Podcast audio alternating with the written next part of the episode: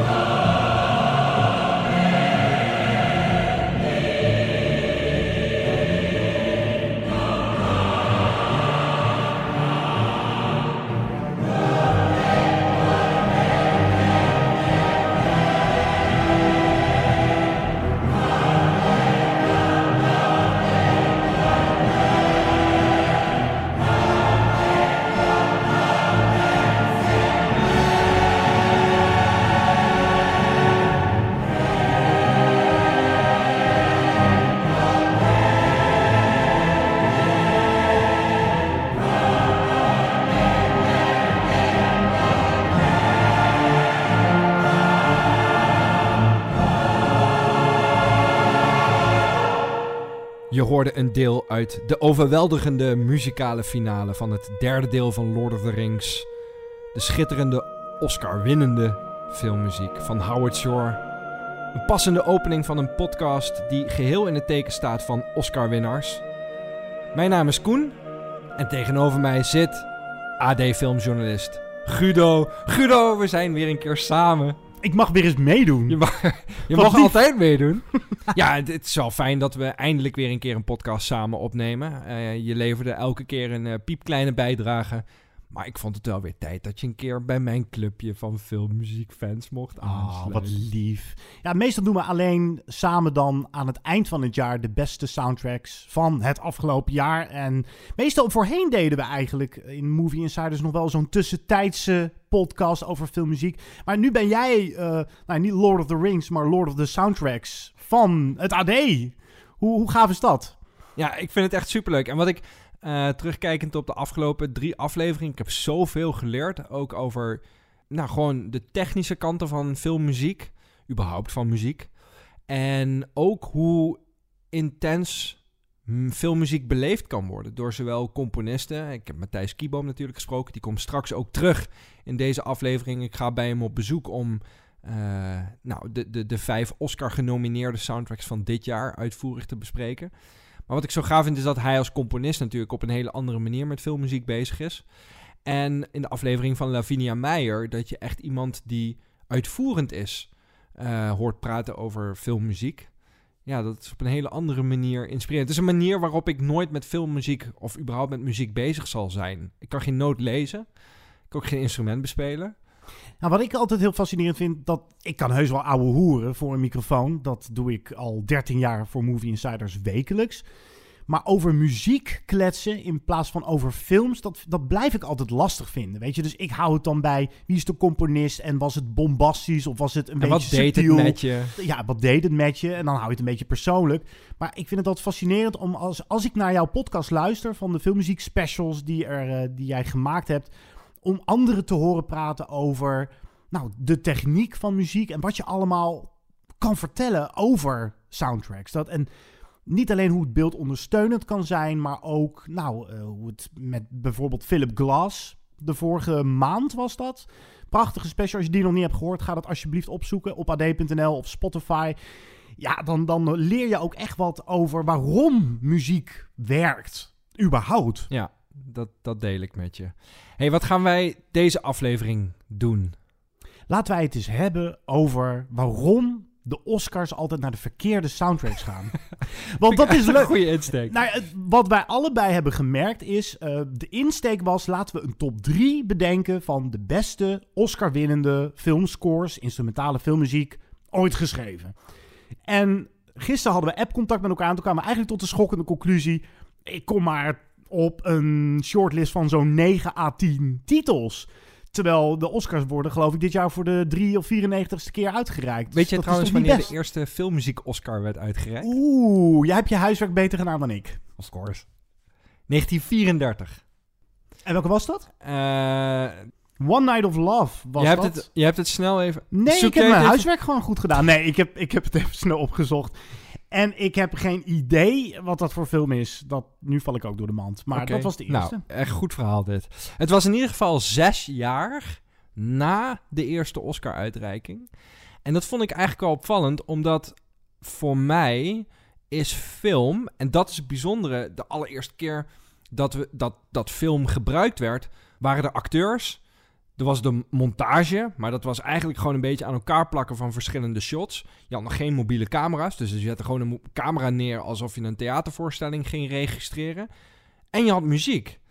Vaak live gespeeld natuurlijk, want eh, de geluidsfilm is in 1928 uitgevonden. Maar ik zou denken dat op het moment dat de geluidsfilm uitgevonden werd, dat dus ook een Oscar uitgereikt zou worden aan muziek. Omdat eh, in mijn belevingswereld er vanaf dat moment ook echt muziek specifiek voor film geschreven werd. Maar schijnbaar heeft de Academy er dus zes jaar over gedaan. Zegt dat iets over de Academy? Hoe traag zij zijn in ja, het ik geloof dat omarmen pas- van veranderingen? Nou, vanaf 2000 pas is er een Oscar in het leven geroepen voor de beste animatiefilm. Shrek was de eerste. Dus nou, en dat Wat? is best nog wel recent. Ja, Oh, dat wist ik helemaal niet. zeker. Dus ja, de Academy loopt altijd een beetje achter de feiten aan. En dat is het leuke van de Oscars. Je moet er vooral heel veel op mopperen. Je haalde het al aan. We gaan het hebben over waarom de Oscar eigenlijk altijd naar de verkeerde soundtrack gaat. We gaan een top 3 beste Oscar-winnende filmmuziek doen. We hebben allebei een lijstje gemaakt. En waar ik het ook over wil hebben is... Nou, hoe beoordeel je eigenlijk filmmuziek? Is goede filmmuziek nu filmmuziek die heel goed past bij de film? Of ook heel goed als op zichzelf staand kunstvorm? En ik vind het interessant dat je eigenlijk heb je daar twee stromingen in... en die lijken bijna onverenigbaar. Ja, in de eerste instantie wordt muziek geschreven voor een film. Dat, het is ook pas later bedacht dat dat dan separaat van de film kon worden uitgebracht op bijvoorbeeld een grammofoonplaat of een cd of nu op Spotify. Dus ja, kijk, ik vind het als filmmuziekliefhebber prettig om iets los te luisteren. Dus dat vind ik altijd mooi. Maar laat ik het zo zeggen, er zijn Oscar-winnende scores. En het zou zomaar kunnen dat jij er eentje in je top 3 hebt staan. Waar ik voor, niet voor mijn lol los naar luister, maar waarvan ik heus wel kan inzien of eh, kan horen dat dat perfect past voor de film waar het voor geschreven is. Dus daar, daar moet je eigenlijk, vind ik, filmmuziek op beoordelen. Ja. Nou ja, volgens mij raakt dat de kern van wat filmmuziek dan is. Is dat, beoordeel je dan de muziek omdat die zo verschrikkelijk goed werkt in de film? Of beoordelen wij het gewoon als wat is er eigenlijk origineel gecomponeerd? Of hoe goed is wat eigenlijk origineel gecomponeerd is? Nou echt. Ja. En wat ik zelf ook merk, en dat zie je wel omdat het stemproces natuurlijk bij de Academy veranderd is. Eh, in de jaren 90 en begin jaren 2000 had je van die eh, clean streaks. Dan won gewoon eh, de Titanic won alle kan, eh, categorieën waarin die genomineerd was. En ehm, Nou, dat is maar één keer gebeurd. Dat was met Lord of the Rings Return of the King. Elf nominaties, alle elf gewonnen. ja, ja, een beetje Oscar-historie. maar eh, dat, dat zal niet heel snel meer gebeuren, omdat ook de diversiteit binnen de Academy natuurlijk veranderd is. Dus ik heb ook wel het gevoel dat er wel beter gestemd wordt. Dus dat er, Ja, denk ik ook. En er doen andere films mee aan Ja. de Oscars. Als je naar dit jaar kijkt, een film als Nomadland is dan de frontrunner voor de beste eh, film ook. Nou, dat is zo'n klein, bijna haast geïmproviseerd aanvoelend filmpje. Dat dat zou tien jaar geleden nooit hebben meegedaan aan, aan de Oscars. En dat heeft inderdaad te maken met dat. Ik denk wel dat film als kunstvorm meer serieus wordt genomen bij Ja. de Academy. Maar het, het proces van stemmen en gewoon denken: oh ja, die had volgens mij wel mooie muziek. Ja, dat, dat, dat is in stand Nou, of, gebleven. Want dat is een, een indruk die ik kreeg van, eigenlijk vanaf het moment dat ik echt wel interesse ging ontwikkelen in, in film en in filmmuziek en dus ook in de Oscars. Ik had ook af en toe het gevoel dat het een soort eh wiedergoedmaching was. Oh Zo. ja, ook. Da- omdat ze dan dachten, ja, die film kunnen we echt geen Academy Award geven voor beste film. Laten we hem dan in een, in een wat zijcategorie als de soundtrack, laten we hem daar dan belonen. Ja, het is heel arbitrair. Het is heel arbitrair. Zeker weten. En dat is, dat is jammer, maar het is wel aan het veranderen hoor. Ik denk wel dat het over het algemeen. Een film als Parasite won vorig jaar. Dat, is, dat, dat, dat was echt ondenkbaar 10, 15 jaar geleden. Dus het wordt wel serieuzer genomen. Wie won misschien- vorig jaar de Oscar voor beste filmmuziek? Weet je dat nog? Eh, dat was Joker. Ja, nou ja. Heel. Ja, een hele moeilijke naam. Een IJslandse. En ik, ja, dat is best wel... ehm, Nou, die viel toch ook al in de categorie... we willen ook een keer dat een vrouw ja, doet. je bent me net voor, want ik, ik, ik ben blij dat jij me inkomt. Maar dat moet er toch wel enigszins mee te maken. Het is hele knap geschreven filmmuziek. Zeker. Hoor. Zeker. Het is heel gaaf dat zoiets een keer won.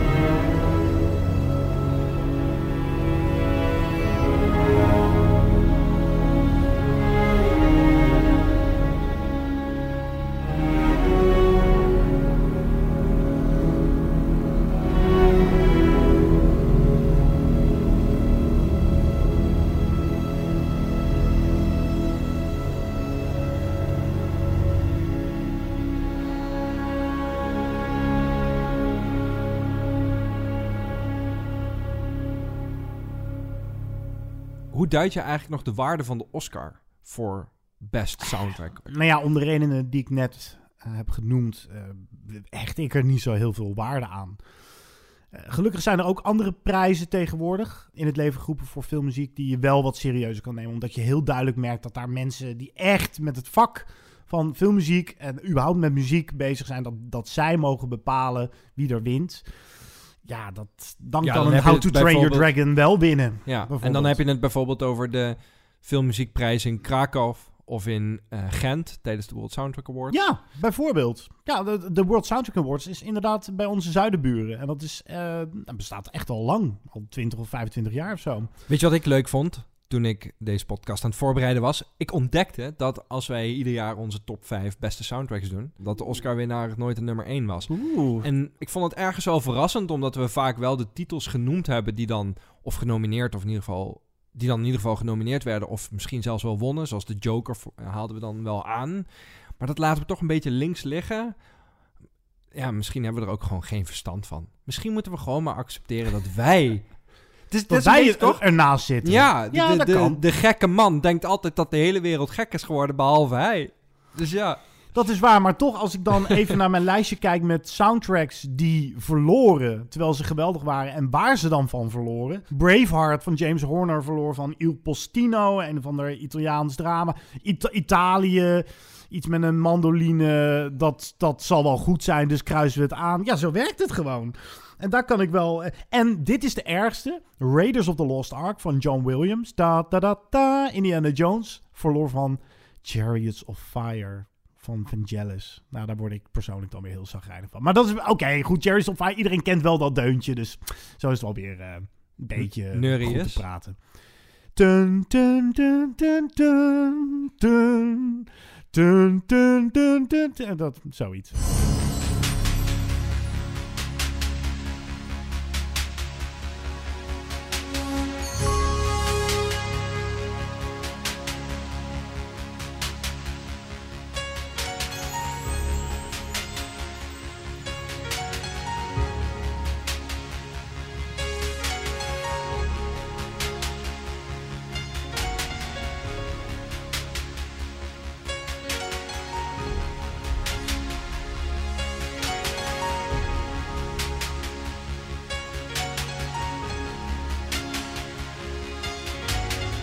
Voordat wij naar onze top 3 gaan, ga ik op bezoek bij Matthijs Kieboom. Componist van onder andere De Piraten van Hiernaast en Vandervelk. En met hem bespreek ik de vijf Oscar-genomineerde soundtracks van dit jaar. Doen we een voorzichtige voorspelling wie er gaat winnen. Want we namen dit op voordat de Oscars werden uitgereikt. En praat ik met hem over wat het voor hem betekend heeft dat hij een hele mooie filmmuziekprijs won. Namelijk die van Jong Talent van het jaar op het Filmmuziekfestival in Krakau. Nou, ik ben even van plek gewisseld en ik zit nu recht tegenover toekomstig Oscar-winnaar, Matthijs Kibo. nou, dankjewel voor het vertrouwen, eh, Koen. Graag gedaan. Als je ooit een Oscar wint, wie ga je dan bedanken? Uh, dat vind ik, een, uh, vind ik een tricky vraag. Wat me altijd opvalt is dat de muzikanten namelijk nooit bedankt worden die meespelen. En dat is juist zo belangrijk, want die muzikanten die, die blazen, soms letterlijk, maar die, die, die leven in, in uh, de muziek. je moet je indenken, als je, als je muziek schrijft, dan schrijf je dat op de computer met allemaal nepgeluiden. Dat keurt dan de regisseur goed.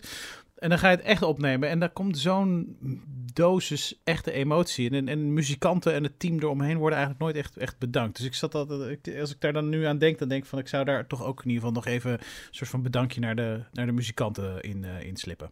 Hey Matthijs, um, ik heb je gevraagd om uh, jouw licht te laten schijnen over de vijf Oscar-genomineerde soundtracks. En dat doen we omdat vannacht, want deze podcast verschijnt op uh, de ochtend voor de Oscar-uitreiking. Vannacht worden de Oscars uitgereikt.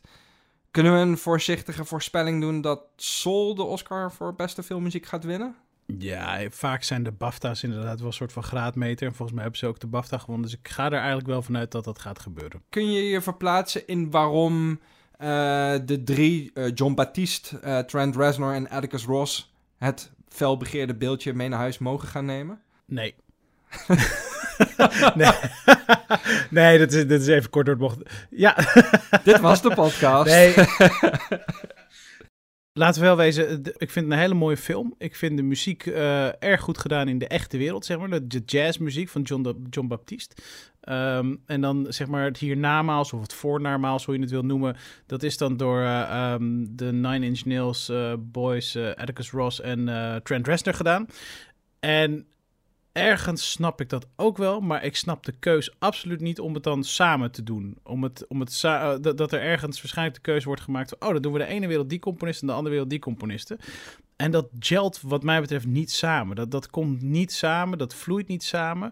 Ik, ik vind het gewoon heel jammer dat ze eigenlijk niet die hele film door John Baptiste hebben laten doen. Volgens mij had die film dan muzikaal een stuk logischer geweest. En ik snap ergens de keuze wel om, om dan het voornamaals heel soort van en dat bedoel ik niet vervelend, maar heel vlak of, of een beetje um, zonder nou ja, echt een echte zonder motief of zonder tonaliteit. Ja, precies. Het, is heel bland als het ware. En, en dat, snap ik wel. Maar ik had het, die, die invulling heel graag vanuit John Baptiste gehoord. Uh, eigenlijk. In plaats van dat daar echt een ander team componist op is gezet. Want je hoort gewoon, het komt nooit samen. Het verhaal komt op een gegeven moment samen. Maar, maar muzikaal komt, komen die twee werelden gewoon niet samen. Dat vind ik heel erg jammer. Nou ja, het had wel misschien kunnen werken. Ik vind het ergens wel een interessant experiment. Dat je twee zulke verschillende type componisten inzet om twee totaal verschillende werelden van muziek te voorzien. Wat ik overigens wel waanzinnig vind en echt even moet zeggen, is dit is de eerste keer dat ik een film heb gezien. Um, uh, ja, naast de, de eerste keer dat ik een film heb gezien waar ik muziek zo realistisch verteld vond worden, was uh, Talented Mr. Ripley. Die regisseur was ook opera-regisseur, dus die, die heeft daar heel erg op zitten hameren. Maar daarnaast vind ik dit eigenlijk de nummer één nu waarin muziek zo wordt, wordt in beeld wordt gebracht, zo kloppend. Uh, en dan letterlijk wat je de, de muzikanten ziet doen, klopt helemaal. Maar ook de, de, de koppen die ze bij trekken. En als hij op een gegeven moment in de zone komt, uh, dat wordt dan op een bepaalde manier wordt dat verteld uh, qua beeld, zeg maar. En ik snap, ik bedoel, ik, heb al, ik sta al jarenlang niet meer op het podium, maar ik snap absoluut die vertaalslag. En dat vind ik heel mooi gedaan. Ik denk dat elke muzikant dat één op één gaat snappen.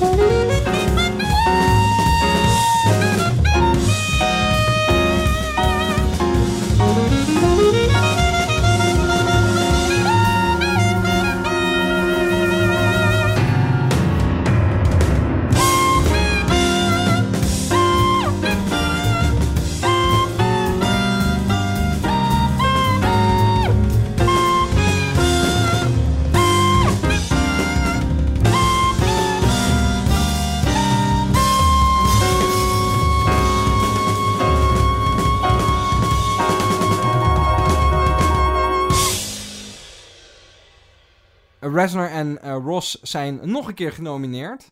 Ja. Eh, dus eh, nou, als die, als die niet winnen, dan hebben ze echt een hele slechte avond. Ze zijn genomineerd voor ehm Mank van David Fincher. Een oerdegelijke making-of van Citizen Kane. Het is eigenlijk gewoon hoe de grote klassieker Citizen Kane uit 1930 eh, gemaakt werd. Ik, ik moet je heel eerlijk zeggen, ik, ik zal maar aftrappen. En ik hoop dat ik je dan dat ik niet te, te veel het gras voor je voeten wegmaai. Ik vond er echt geen zak aan aan die soundtrack. Ik kwam daar niet in en ik heb echt veel positieve recensies gelezen ook. En ook echt wel van filmmuziek adepten die dit echt heel fijn vonden. Ik, het klikte bij mij totaal niet. Wa- Wat ik, wat ik heel tricky hiervan vind, en dan wil ik vooral niet weer als een negatieve uh, te gaan klinken. Ehm, het is een film over uh, tot, tot stand komen van Citizen Kane. Citizen Kane wordt gezien als samen met Vertigo de beste films eigenlijk die zijn gemaakt. Allebei gecomponeerd door Bernard Herrmann.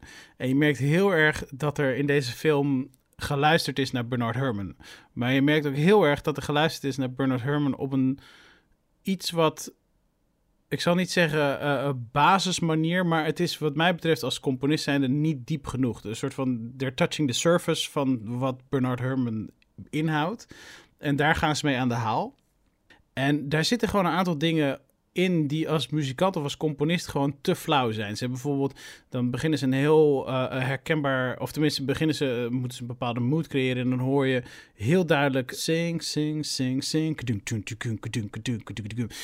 dat soort dingetjes, maar er wordt dan net een andere compositie op losgelaten. Dus, dus het voelt een beetje als, oké, ze zijn wel een soort van qua tijdelijke muziek uit die tijd, maar ook qua score zijn ze nu, lijkt wel een soort van soundalikes aan het maken. En dat vond ik een beetje flauw, omdat die soundalikes je moet je indenken, hè, zo, zoals de componisten nu muziek schrijven, uh, inclusief uh, ikzelf. Je schrijft het op je computer. Dat wordt goedgekeurd. En dan ga je het echt gedetailleerd op papier zetten. En je hoort dat de vertaalslag hier naar papier waanzinnig mooi is gedaan. En het is ook gedaan in dit geval zeker de, de, de echte filmische orkestrale stukken door Conrad Pope. En Conrad Pope is jarenlang de vaste orchestrator van John Williams bijvoorbeeld geweest. Dat is echt een, een grootheid binnen de orchestratiewereld. En je hoort gewoon aan alles dat, dat daar zoveel kennis en know-how in zit, in, in, in de klankkleurencombinaties. En dat is, dat is prachtig gedaan. Alleen, alleen de compositie zelf vind ik dan ja, als je dan Bernard Herrmann... Ik bedoel, je moet sowieso Bernard Herrmann niet naproberen te doen. Maar als je het dan doet, dan, dan, dan is dit, voelt het iets wat oppervlakkig. Hoe zou jij dat als componist hebben aangepakt? Zo'n vertaalslag. Want je zegt het blijft aan de oppervlakte. Wat is dan een manier om het te kunnen verdiepen? Ik, ik ga het absoluut niet beter doen dan dat deze heren hebben gedaan. Hè? Nee, dat vraag ik ook niet. Ik, vraag, ik bedoel meer te zeggen, hoe zou jij dat hebben aangepakt om nee, wel kijk, die aan te... het, het verschil is, er zit in deze film zit, er, zit er een scène dat, dat Mank in de auto zit en dan is er best wel heftige muziek. En in een interview heeft Trent Reznor gezegd van ja, ik, ik dacht het is misschien wat veel, maar toen luisterde ik naar Bernard Herrmann en die deed daar ook heel veel bij dat soort scènes. En dat klopt misschien wel, maar Bernard Herrmann vertelde zijn muziek op een intelligentere manier. In de zin van, die vertelde iets wat er niet in beeld was. Die vertelde niet, oh deze man zit nu in de auto. Maar die vertelde, het is nu chaos in het hoofd van uh, onze hoofdrolspeler. Die diepere laag mis ik gewoon.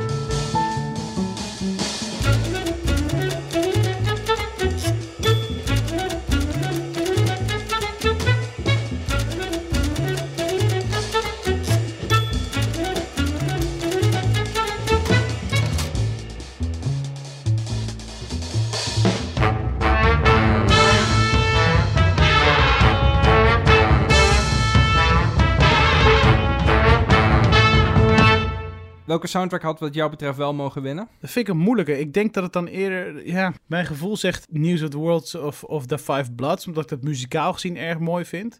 Uh, maar ik denk dat ik Minari het beste vind werken op beeld. Dat is toch... Dat heeft een soort van simpele, open eerlijkheid in de muziek zitten. Uh, uh, ik hoorde, of ik las iemand uh, die, die, die, die, zei: dit is, dit is het voorbeeld van The Big Simple.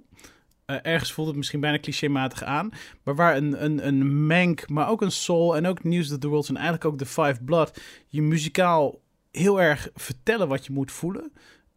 geeft Minari echt ruimte om het zelf in te vullen. Het mooie ook van, van, van deze film is dat. Um, de muziek al is geschreven voordat ze überhaupt gingen filmen. Dus ze hebben muziek op set gebruikt, maar ook zeker ze hadden de muziek in de edit al. Dus ze hebben ook heel specifiek op de muziek uh, kunnen editen. En, en, en dat, dat werkt gewoon heel mooi in dit geval. Ik vind hem persoonlijk echt de revelatie van het afgelopen jaar. Want zijn soundtrack voor The Last Black Man in San Francisco, die was ook echt fantastisch mooi. De manier waarop hij componeert, hij onderzoekt heel erg welke klankkleur geeft nu welk instrument en hoe kan ik dat combineren. Dus je hoort bijna de organische ontstaansgeschiedenis van zo'n soundtrack terug in de muziek. Dit is, dit is echt er eentje voor, uh, voor de toekomstige generaties, uh, die Emile ja. Mosseri. Laten we er een stukje ja. naar luisteren.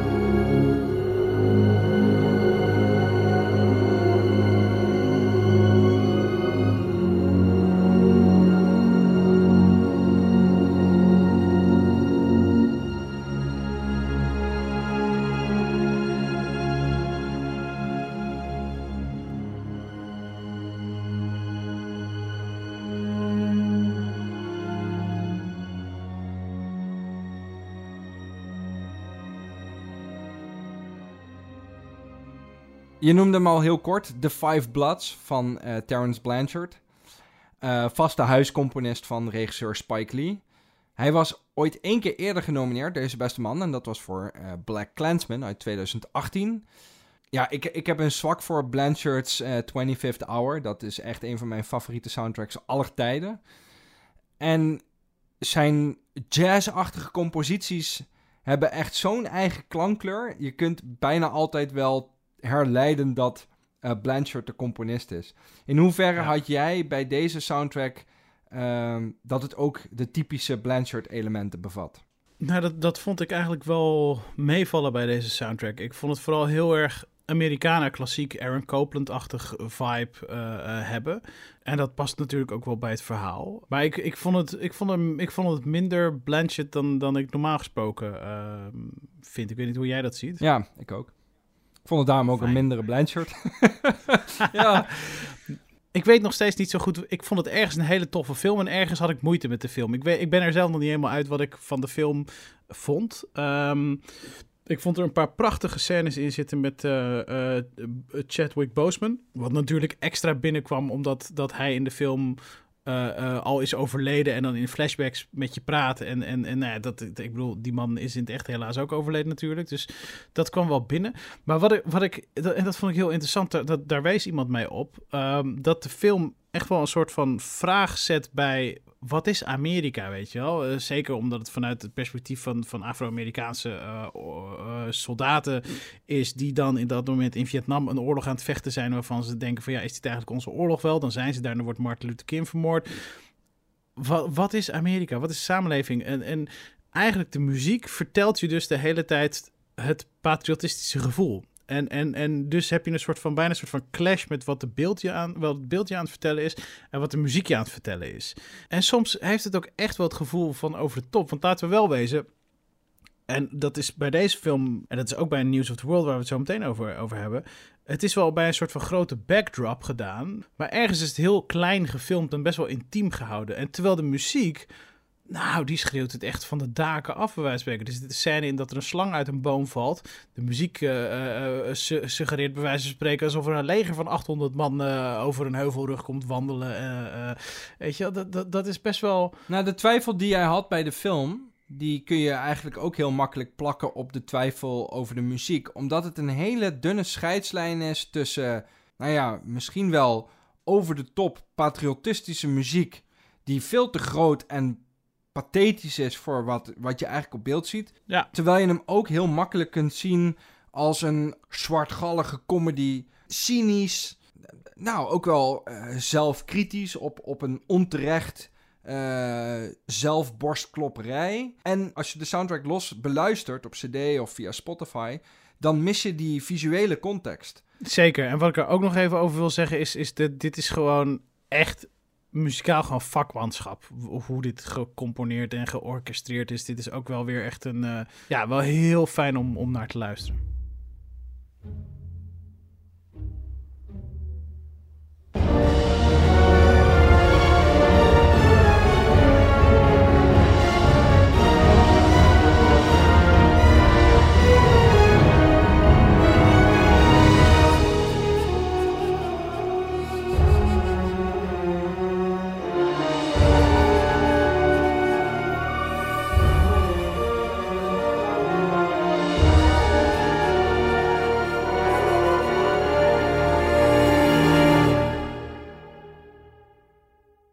Gaan het hebben over de laatste soundtrack, News of the World. Hij is nu acht keer genomineerd geweest, James Newton Howard. Weet je hoe vaak hij hem gewonnen heeft? Nul. en na vanavond is dat nog steeds... Nog steeds ja, precies. Ja, wat, wat moet die man nog maken? En, en daarom heb ik hem zo hoog staan. Deze man is een soort van chameleon. Die kan voor zoveel verschillende films... kan die zulke prachtige muziek schrijven. Of het nou een, uh, het is een Terrence Malick uh, film is, een, een, een jaren 90 Disney film, een uh, Batman film, een, een M. Night Shyamalan film of een Paul Greengrass film. Het werkt allemaal het is gewoon allemaal goed. En, en daardoor is het misschien niet, het, het steekt nergens bovenuit misschien, maar het is gewoon ten alle tijden gewoon hartstikke goed. Maar toch gaat hij niet winnen? Nee, ik, ik vrees dat hij niet gaat winnen. Nee. Ik denk wel dat deze soundtrack een beetje hetzelfde probleem heeft als de film. Hij kabbelt iets te veel. Ja, dat is ook omdat James Newton Howard niet te veel wilde vertellen van... het is echt een western, luister maar, weet je wel. Hij, hij neemt een iets meer een stapje terug. Het voordeel is dat door dat stapje terug vertel je minder het grote wat je ziet... en meer het kleine waar, het verhaal echt over gaat. Over uh, mensen die verloren zijn en op zoek zijn naar familie. Maar wat ik heel erg waardeer in deze film is, is de, de, de gedachte van de muziek daarachter. Het zijn gebroken mensen in een gebroken tijd. Amerika was gebroken natuurlijk door, door de Civil War. En muzikaal heeft hij dus ook uh, gekozen om, om een ensemble vooraan te zetten. Wat ook gebroken is als het ware. Hij heeft instrumenten, een stuk of zeven of acht, in een ensemble gezet. Met eigenlijk de instrumenten, de voorlopers van de instrumenten die wij nu kennen. Dus in plaats van een standaard cello is er een viola da gamba gebruikt. In plaats van een, normale altviool is er een, wat is het, een viola d'amour gebruikt. Uh, um, het, en dat zijn allemaal eh, strijkinstrumenten met um, snaren die niet gemaakt zijn van de materialen die we nu hebben, maar, maar juist met de darmsnaren. Dus die klinken ook net iets anders. Het zijn echt oude instrumenten. Daardoor kan het soms een beetje valsig uh, snijden, dat geluid. Maar daardoor werkt dat wel heel erg, omdat je dat wel... Je hebt een moderne manier van storytelling, maar met instrumenten uit dat tijdperk. En, en dat, dat, dat werkt wel heel mooi, vind ik.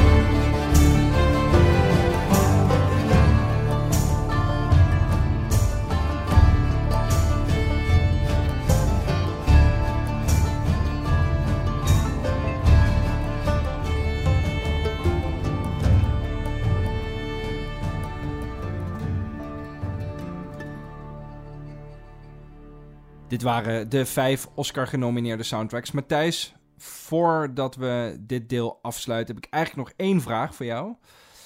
Je hebt zelf ooit de Young Talent Award gewonnen op het uh, Filmmuziekfestival in Krakau.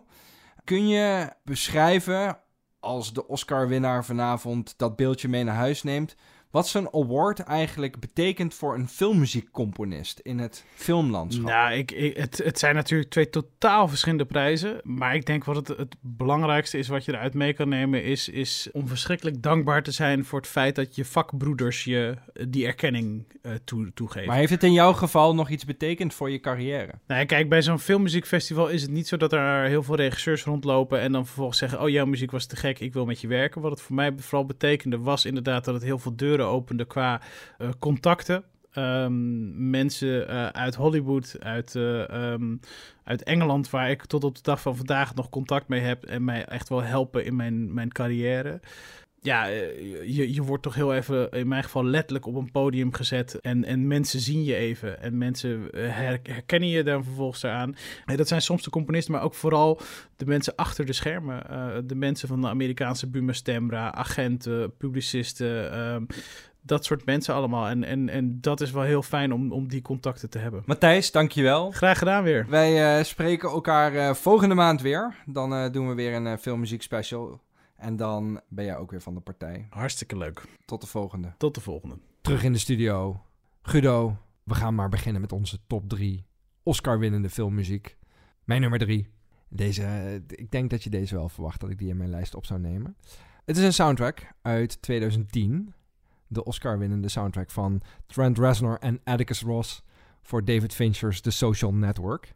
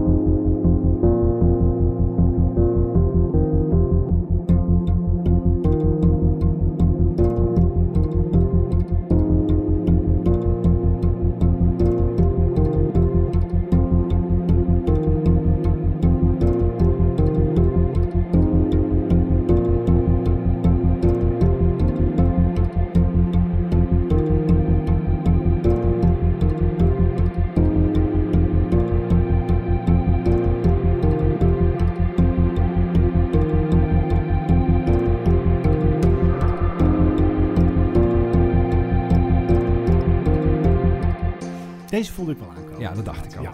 Die voor, en, en, en welke score had eigenlijk moeten winnen natuurlijk dat jaar? Uh, How to Train Your Dragon. How to Train Your Dragon. ja, dat is nog eens een soundtrack. Maar, nou, dit is... Ja, sorry, ik onderbreek. Nee. Nou ja, dat, dat is dus een goed voorbeeld van een, een score die ik heel erg kan waarderen als ik de film zie. Maar die zal ik los niet zo snel aanzetten, omdat ik het gewoon een hoop bliepjes herrie vind. ja, I know. Ik weet dat je dat vindt. En ik ga je ook heel eerlijk zeggen dat toen die Oscar uitgereikt werd, en toen deze soundtrack de Oscar dus won, dat ik zelf ook teleurgesteld was. Omdat ik dacht, ja, maar de Social Network, dat is toch geen filmmuziek? Dat, How to Train Your Dragon of Inception was dat jaar ook genomineerd. Dat had echt, zeg maar, zo'n filmmuzikale ervaring ook. En de Social Network is zowel als film en als, als muziek gewoon heel erg gegroeid bij mij door de jaren heen. Ik geloof dat jullie laatst ook in jullie filmpodcast memoreerden dat dat wel echt met terugwerkende kracht een klassieker te noemen is. De film, ja, ja dat die echt een klassieker status heeft verworven. En de soundtrack heb ik echt nog best wel vaak opstaan.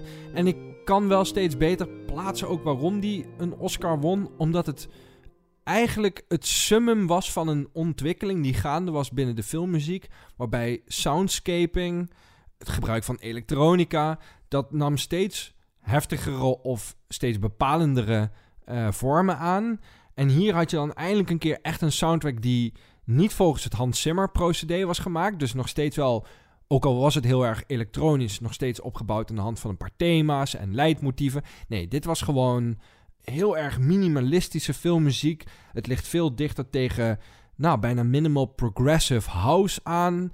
Hele andere vorm van, van componeren. En ook niet op basis van een thema een hele soundtrack opbouwen, maar echt per scène kijken welke, welke muziek past hier nou eigenlijk het beste bij. Hmm, en ik denk ja. dat daarom die muziek in de film zo goed werkt, omdat die componisten echt op basis van nou, wat zij zagen, zijn gaan componeren. Dus dat dat veel organischer is ontstaan dan wanneer iemand echt op basis van thema's en motieven gaat werken. Ja, en laten we niet vergeten, eh, ook gewoon simpelweg constateren dat een melodieus orkestrale score voor deze film natuurlijk gewoon niet had gewerkt. Nee, ook omdat de film natuurlijk gaat over de technologisering van de wereld. En de valkuilen daarvan, de grootheidswaanzin die er ontstaat bij mensen die opeens door de komst van eh, het internet allerlei mogelijkheden zagen om extreem veel geld te verdienen.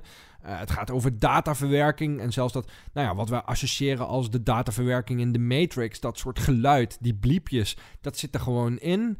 Er zitten ook hele herkenbare klassieke muziekstukken in eh, die heel erg vervormd zijn. Nou ja, in muziek wordt ook gespeeld met de digitalisering van media.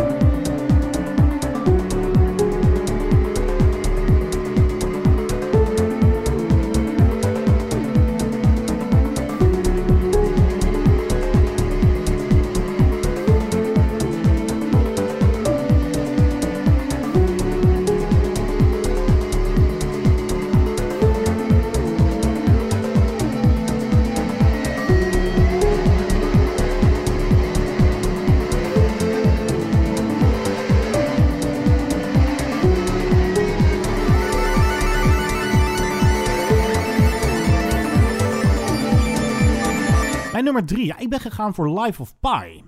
Oh, nice. Ja, dat vind ik zo'n mooie score. Eigenlijk eh, vind ik dat ook dus een persoonlijke favoriet. Omdat met de keer dat je hem aanzet, ontdek je weer nieuwe dingen. En dat heeft eigenlijk... Het is geen bliepje soundtrack. Het is niet elektronisch. eh, tenminste, eh, niet... er is, is wel iets van elektronica gebruikt. Maar het is best wel orkestraal. Er zit veel zang ook in. Maar ook hier geldt voor dat het toch niet heel ouderwets aanvoelt op, eh, als het gaat om een thema, een vertrekpunt. En vanuit dat thema zijn er subthema's en die worden weer losgelaten zodat er een personage in beeld komt. Het is ook hier, net als bij de Social Network, dat de componist Michael Denna, een Canadees, die onder meer ook eh, Girl Interrupted heeft hij gedaan en The Sweet Hereafter. Het is eigenlijk een beetje een niche-componist.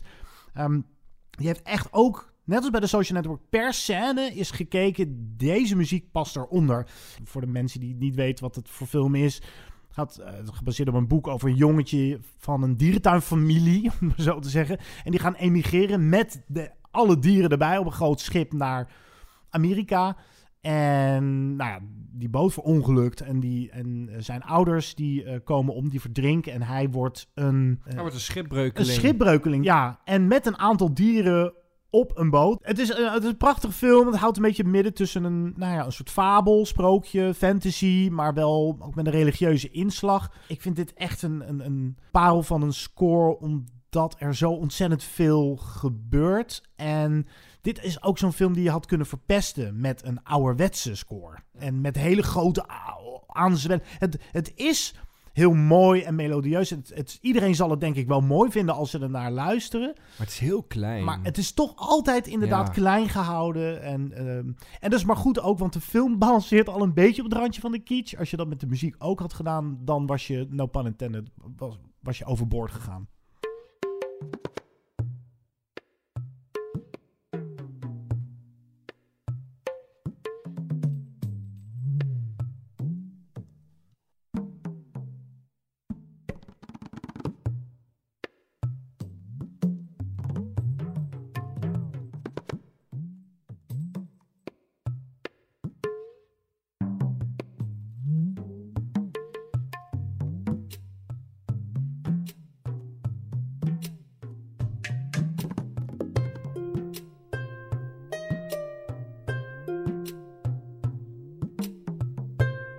Ik haalde deze soundtrack aan in een eerdere podcast-aflevering. Toen ik het had over exotische filmmuziek. of de invloeden van wereldmuziek op filmmuziek.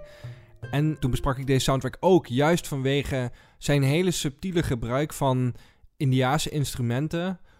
En het kleurt nooit de ene of de andere kant op. Nee, dat is eh, Heel knap gedaan. Het is heel fijnzinnig Ja. werk eigenlijk. En dit is ook zo'n soundtrack die volgens mij echt niet iedereen kent. Dit is ook niet zo'n nou, nafluit soundtrack.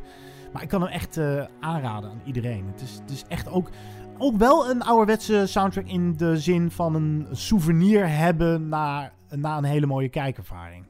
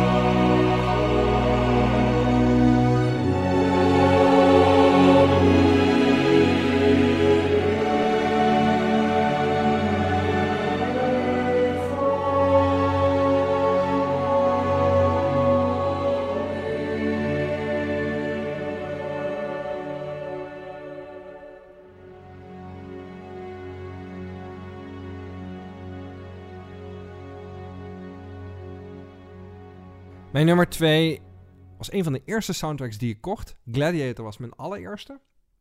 Ik denk dat deze eh, een van de eerste tien was. Ondertussen is mijn collectie redelijk uitgebreid, as you know. Ehm, maar het is de soundtrack voor een film die gaat over de mooiste vriendschap tussen een jongetje en een alien. E.T. Ja. Oh, ja, geniaal.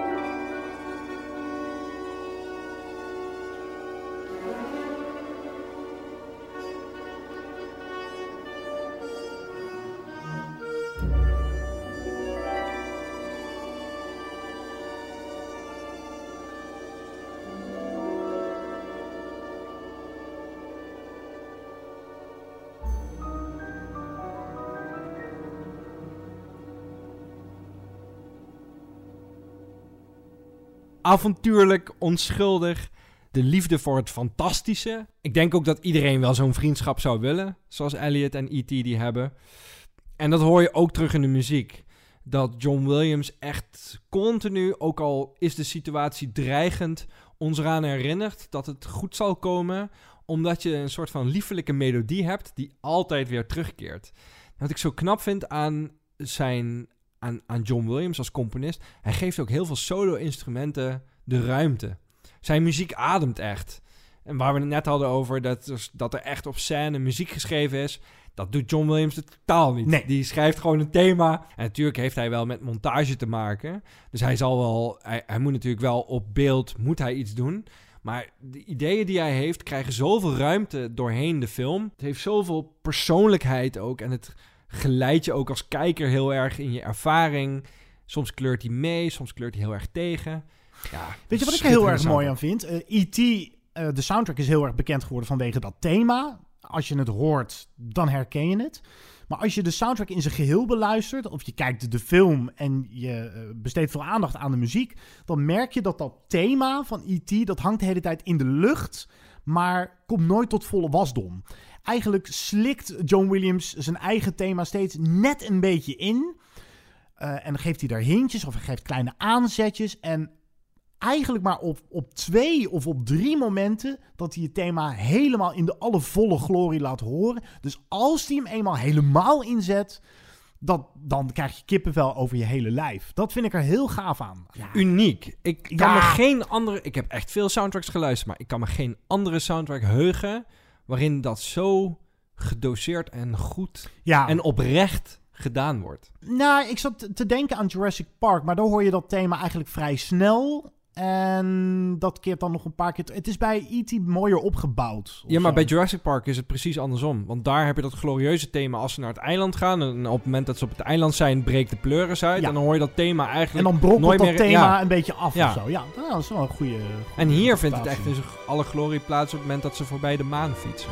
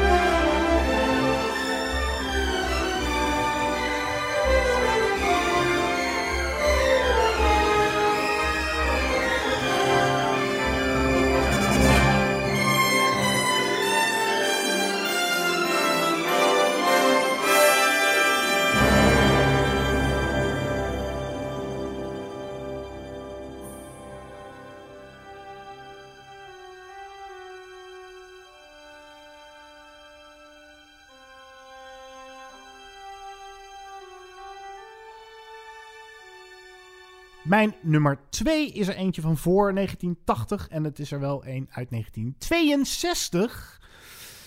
En jij noemde net Dr. Chivago. Ik ga voor Lawrence of Arabia van dezelfde componist, de Fransman Maurice Jarre.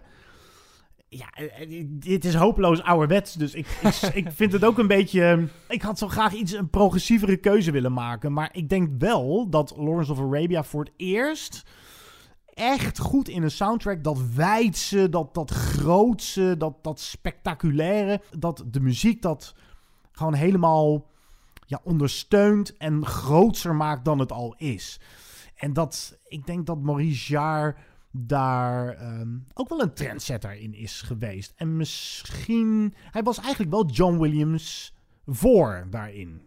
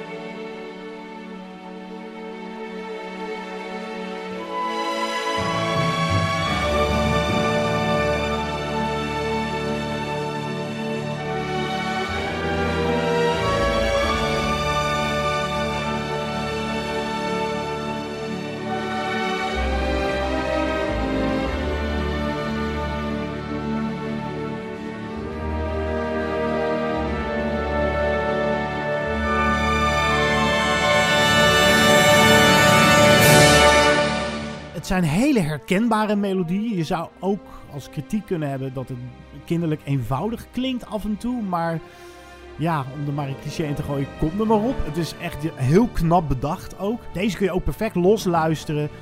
En het is veel meer dan dat ene thema dat iedereen kent. Uh, er zitten wel zeven of acht verschillende thema's in. En ik, het las nog eventjes ter voorbereiding op deze podcast dat hij een maandje de tijd had. Een maandje om de hele score voor een film van 60 uur zo'n beetje van muziek te voorzien.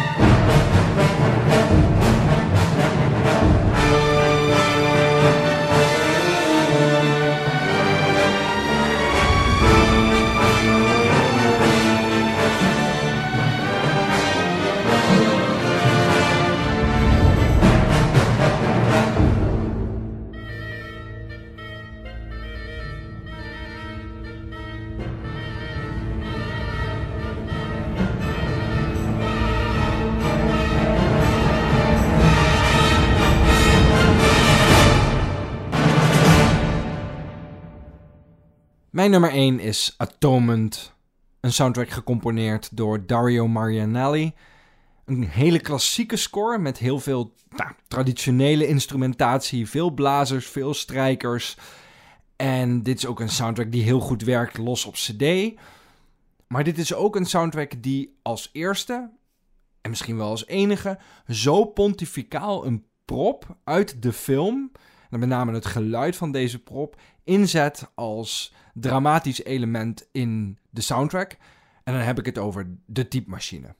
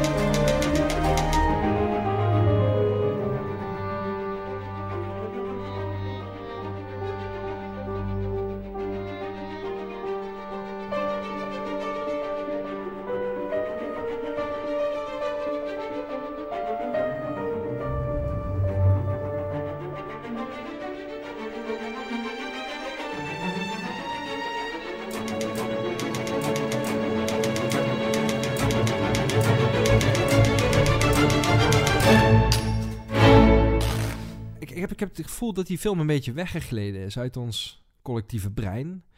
Maar nou, deze... op die ene scène na. Ik denk dat iedereen Atonement zich misschien nog wel kan herinneren om de, de Dunkirk-scène. Ja. ja, ik denk dat hij ook wel weer terugkwam in het geheugen... naar aanleiding van de film van Christopher Nolan, Dunkirk. Maar de manier waarop Marianelli de typemachine gebruikt... soms als een... Hij klinkt ook soms heel opgewekt. Dan dat je echt denkt, oh ja, dit, dit is romantiek puur zang. En ik hoor gewoon mensen elkaar liefdesbrieven schrijven. En uiteindelijk wordt dat geluid van de typemachine het vertrekpunt van het, van het veel dramatischere deel van deze soundtrack. Uh, waar inderdaad Elegy voor Dunkirk prachtig hoogtepunt van is. Het is ook een soundtrack die heel erg uiteenvalt in twee delen. Je hebt heel dat romantische en liefdevolle en, en vrolijke eerste deel. En die omslag komt zo rond track 9. Dan heb je opeens dat die dramatischere invloeden komen. Uh, dan heb je nog een beetje zo'n valselijk tussenfase dat ze gaan trouwen. Althans, hij denkt daar dan aan. En dan heb je die Wedding Mars, uh, die dan op een orgel gespeeld wordt. En dan ook muzikaal denk je ineens van... Huh, maar dit is nog een thema uit het eerste deel van de soundtrack. Wat doet dat hier? En dat wordt dan weer tegengekleurd door inderdaad de harde realiteit van de Eerste Wereldoorlog. Het was ook een soundtrack die me voor het eerst... Ik was toen al wel bezig met wat wil ik worden als ik straks afgestudeerd ben. Ik studeerde toen eerste jaar filmwetenschappen. Dus ik was al wel bezig met wat gaat mijn positie in de film zijn? Wat zou ik graag willen worden? En ik weet nog dat die soundtrack me ook heel erg raakte, omdat ik dacht: oh wauw, dit doet zoveel met mij, ook als persoon, maar ook als maker. Het kietelt mijn creativiteit, omdat het iets doet wat ik nog nooit gehoord had. Het is ook een hele intellectuele film. Dus ja, het is ook gewoon een beetje een persoonlijke keuze om deze een keer genoemd te hebben in deze filmmuziek podcast.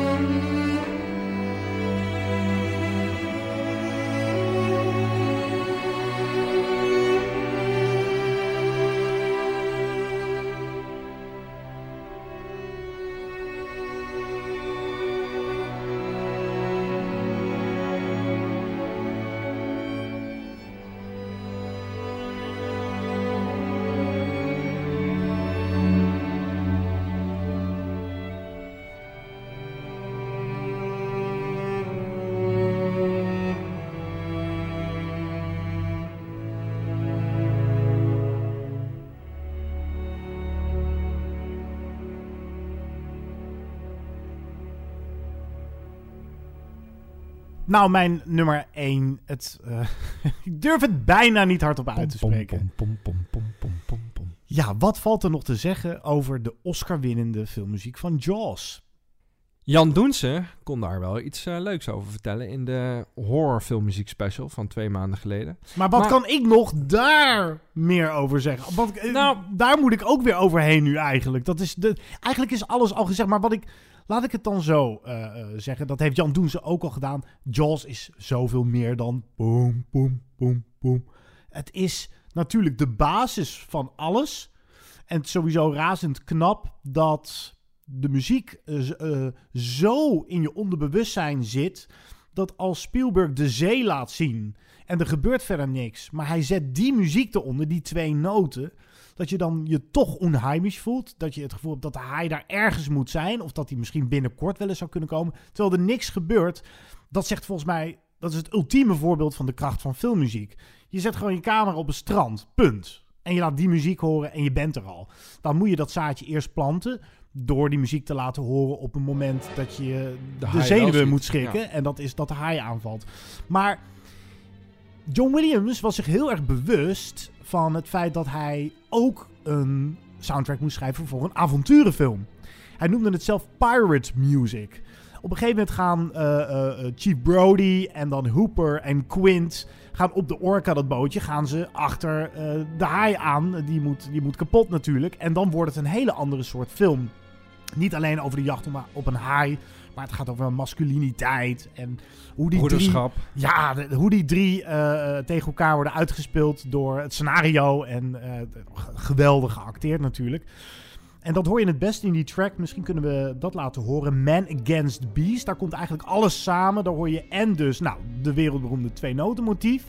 Maar daar hoor je op een gegeven moment ook een soort apotheose, een, een thema waar je bijna aan Indiana Jones moet denken. En een ander thema, een van mijn favoriete thema's uit de Joel score. Ja, hoe kun je dat nou het beste beschrijven? Dat, het lijkt wel alsof die muziek um, wil zeggen, en nu is het afgelopen, Hai. We gaan je nu kapot maken, weet je. uh, het is de voorbereiding op de grote, uh, de grote clash waar de film naartoe bouwt. En dat is, het is zo knap. En nogmaals, het is zoveel meer dan die twee noten, Jaws. Dat kan ik niet vaak genoeg benadrukken.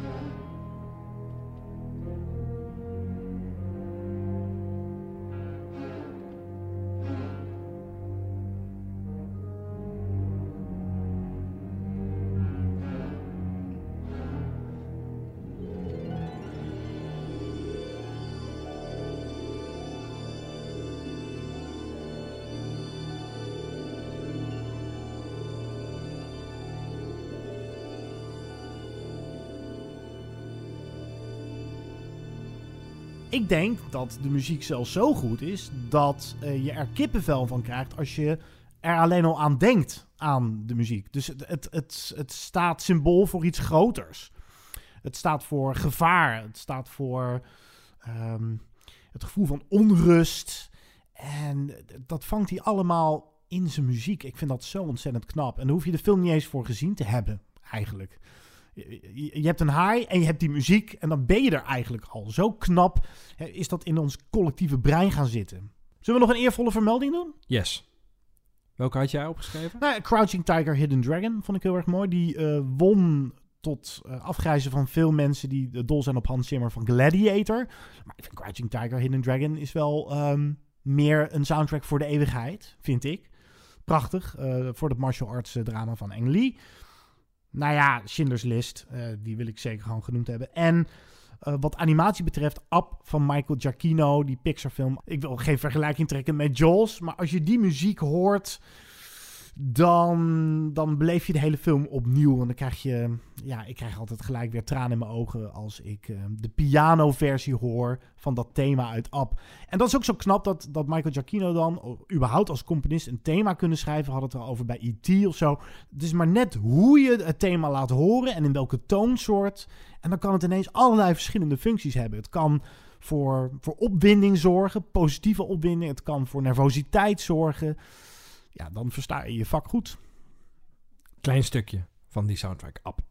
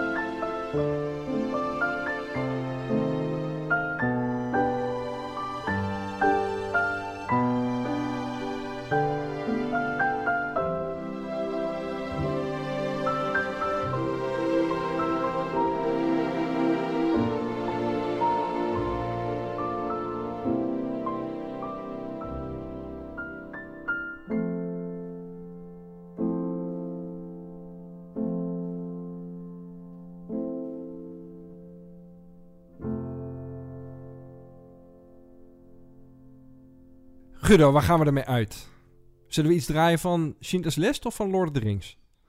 Nou ja, Lord of the Rings hebben we al gehad. Ja, ja Schindler's List moeten we... Ik, ik, ik vind het een verplicht nummer. Aan de andere... Ah, we hebben al heel veel John Williams aan bod laten komen. Ja. Hmm. Nee, misschien moeten we gewoon met Lord of the Rings eruit. Weet je waarom dat ook goed is? Hij heeft twee Oscars gewonnen. Dus The Fellowship of the Ring, het eerste deel uit de trilogie... en dan The Return of the King, de laatste. Maar als we dan moeten kiezen tussen Fellowship of the Ring of Return of the King. Wat doen we dan? Lastig. In de Fellowship of the Ring heb je die ringgeesten. En dan met dat koormuziek.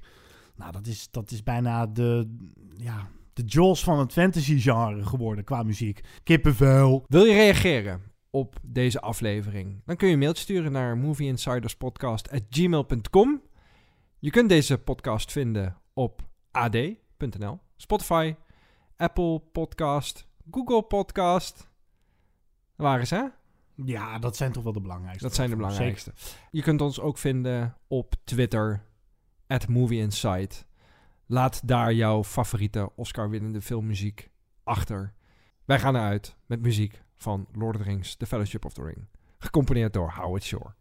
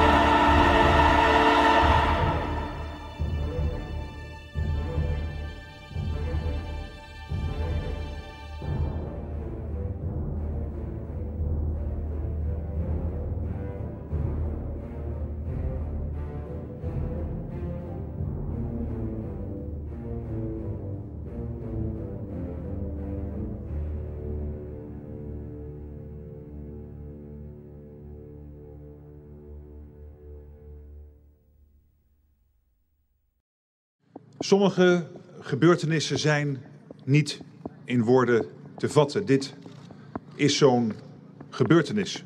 Het was een pikzwarte dag. Ik was hier toen nog voor, voordat de linten er waren, was ik hier. En ik heb op weg hierheen heb ik mijn ouders gebeld. Die gaan ook altijd op zaterdag boodschappen doen in de Ridderhof. En vlak bij het politiebureau heb ik de auto neergepakt, want verder kon ik al niet meer. Het was één grote sirenezee op dat moment al. Dit zijn Carla en Marco, verslaggevers bij het AD. Samen gaan ze terug naar winkelcentrum De Ridderhof in Alphen aan de Rijn. En proberen ze tien jaar later te begrijpen wat er gebeurd is. Nou, je kijkt naar links toe en je ziet gewoon uh, twee mensen op de grond liggen, beweegloos. Dan daar zie je een jongeman uh, ja, op je afkomen met een mitrailleur. Wat was Tristan voor jongen? Hoe groeide hij op? En wat dreef hem tot zijn daad? Precies tien jaar na die pikzwarte dag proberen Carla en Marco de puzzel te leggen. Dan zie je ook dat pagina's die we eigenlijk besteden aan wat er slecht is, wat er mis is gegaan, is op een gegeven moment langer dan wat er goed is gegaan. Veel meer. De podcast Wat dreef Tristan is nu te beluisteren via je favoriete podcast-app en via ad.nl/podcast.